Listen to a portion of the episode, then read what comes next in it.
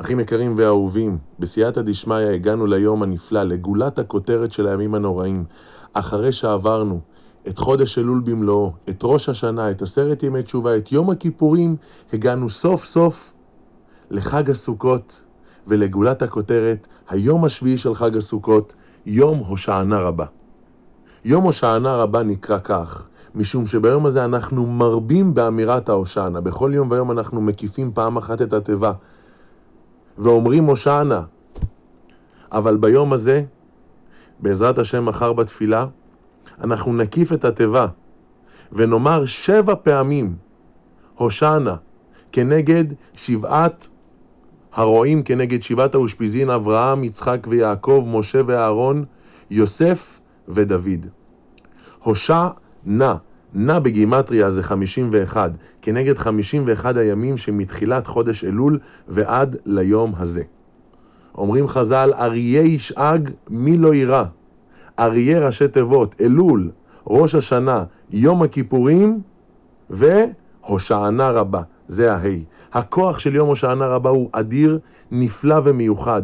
יום חיתום הדין, היום שמעבירים את הפתקים. בראש השנה נכתבנו לחיים, ביום כיפור נחתמנו לחיים, וביום הזה אנחנו מעבירים את הפתקים, הקדוש ברוך הוא מעביר את הפתקים שלנו לחיים טובים ולשלום. על פי הזוהר, על פי הקבלה, יש חותם בתוך חותם. יש את החותם החיצוני ויש את החותם הפנימי. ביום הכיפורים נחתמנו בחותם הפנימי, אבל ביום הושענא רבה אנחנו נחתמים, בעזרת השם, גם בחותם החיצוני. עם ישראל נהגו במשך השנים להישאר כל הלילה של יום, של ליל הושענא רבה, שזה הלילה הזה שאנחנו נמצאים בו, להישאר ולקרוא לפני חצות הלילה את כל ספר הדברים. כידוע, גדולת וכוחו של ספר דברים, שהוא המסכם את כל חמשת חומשי תורה, גדול ונפלא.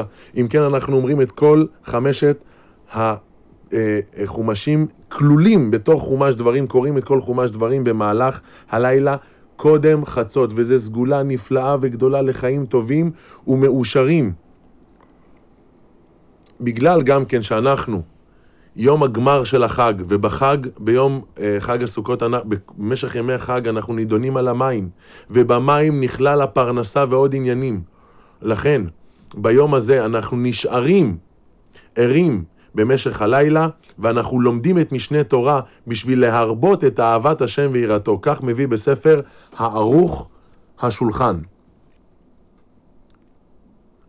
אחרי חצות הלילה, בגלל שהלילה הזה שייך לדוד המלך, השביעי בין הרועים, אנחנו קוראים את כל ספר התהילים עם שבעת כורתי ברית עד לנצח חמה, ואז אנחנו מתפללים מתפילת שחרית, עושים שבע הקפות לתיבה, עם האתרוג ועם הלולב, ואחרי זה אנחנו מגיעים לערבה, לחביתת ערבה, כנגד עוד פעם, כמנהג החמש, חמשת הערבות, אנחנו עוגדים חמישה ערבות, ומכים אותם בקרקע, יש בזה סודות נפלאים ועצומים, סגולות אדירות שאנחנו כבר נפרט אותם.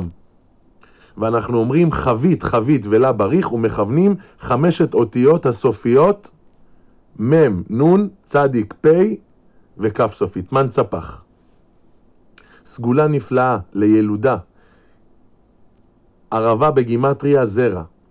מי שעושה את חבטת הערבה בעזרת השם יכול להושיע עם זה ולזכות לישועות נפלאות וגדולות.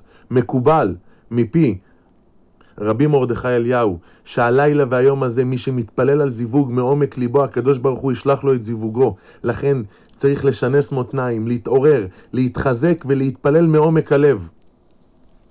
מי, יש סגולה נפלאה לגבי הערבה, אם אדם לוקח איתו בדרכים ערבות שחבטו בהם בהושענא רבה, זה מסוגל מאוד לשמירה בדרכים, זה מספר מנורת המאור.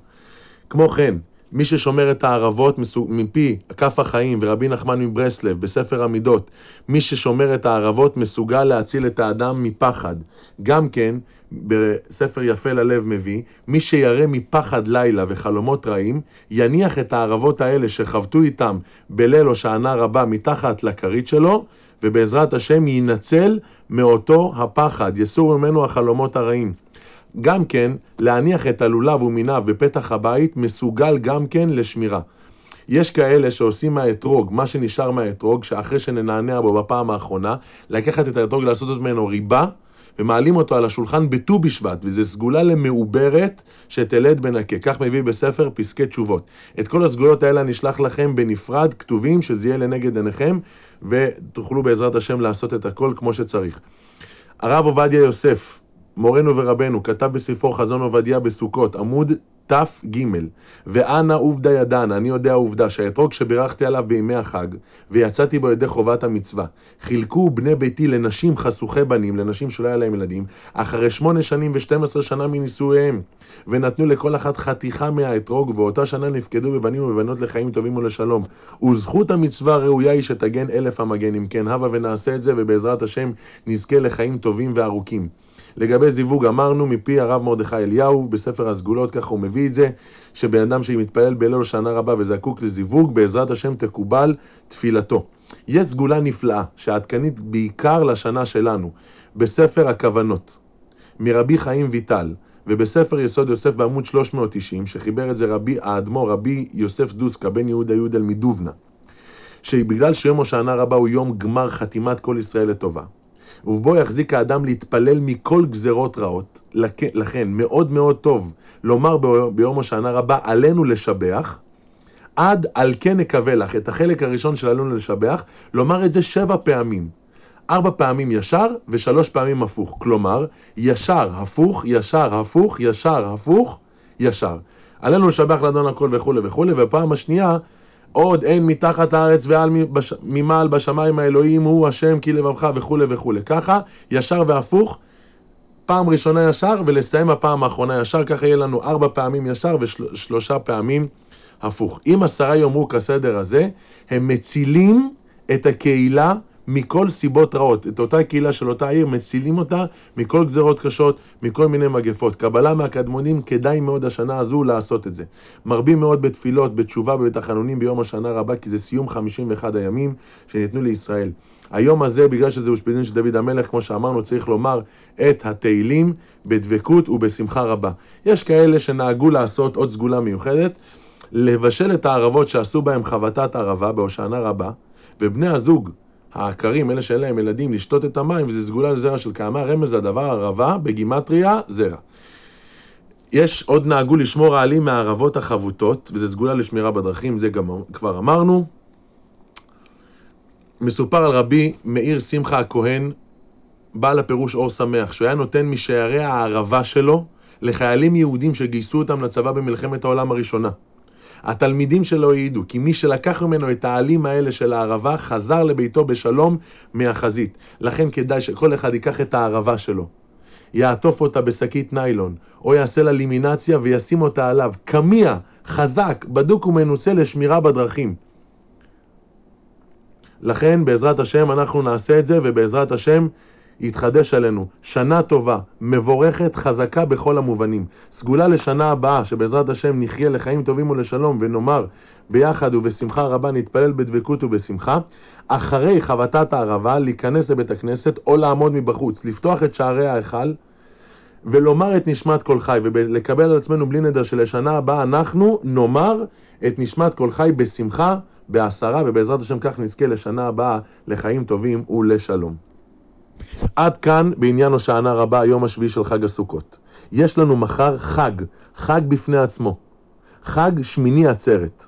זה חג בפני עצמו, הוא לא קשור לחג הסוכות. הקדוש ברוך הוא ראה שאנחנו כביכול היינו איתו שבעה ימים בסוכה, חבוקים בידיים שלו, נפרדים ממנו, אומר הקדוש ברוך הוא, רגע אחד, אני רוצה איתכם עוד יום אחד בנפרד. עוד יום אחד, זה יום שמיני עצרת, אבל חכמים הכניסו בו נופך של סיום כל קריאת, כל ה...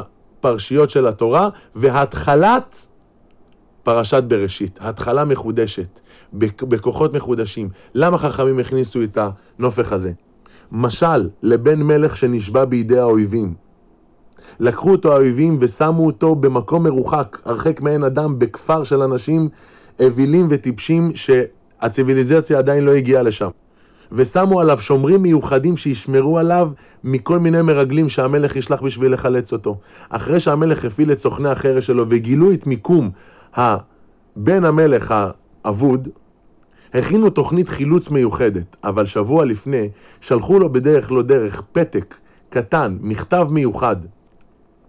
ובמכתב הזה אומר המלך לבן שלו, בני יקירי, שמור על מורל גבוה, תישאר חזק, תישאר איתן, שבוע מהיום באים לחלץ אותך. אורו עיניו של בן המלך, שמחה גדולה עפפה אותו. הוא רצה לקום ולפצוח בריקוד, אבל איך הוא יוכל לעשות את זה אם הוא יתחיל לרקוד? יבינו שומריו שהגיעה לו בשורה משמחת ותוכנית החילוץ תיפסל. מה עשה בן המלך? הלך וישב עם האיכרים הנבערים, שתה איתם לשוכרה, שמחו שומריו ואמרו, הנה, איזה יופי, סוף סוף הוא נכנס ונטמע בנו, הוא נהיה כמונו. אחרי ששתה איתם כוס יין, קמו לרקוד. האיכרים השותים קמו ורקדו כי שמחו מכוס היין, אבל בן המלך שמח, שמח מהמכתב שהגיע אליו, שמח מזה שהבשורה של הישועה שלו מגיעה. זה בדיוק יום שמיני עצרת. אנחנו לא סתם שמחים של סיום, של התפרקות, של התנתקות, של זהו, שנפרדים. אנחנו שמחים כי אנחנו מקבלים את הבשורה שהקדוש ברוך הוא, אחרי כל הימים הנפלאים שעברו עלינו, קיבל את בשורתנו ושולח לנו את ישועתנו לשנה טובה ומתוקה. יהי רצון שתגזר על כולנו שנה טובה, שנה של שמחה, שנה של עושר, של כל טוב, הצלחה בחיים טובים ומאושרים. חג שמח ושבת שלום ומבורך. שתפו והפיצו ידידיי.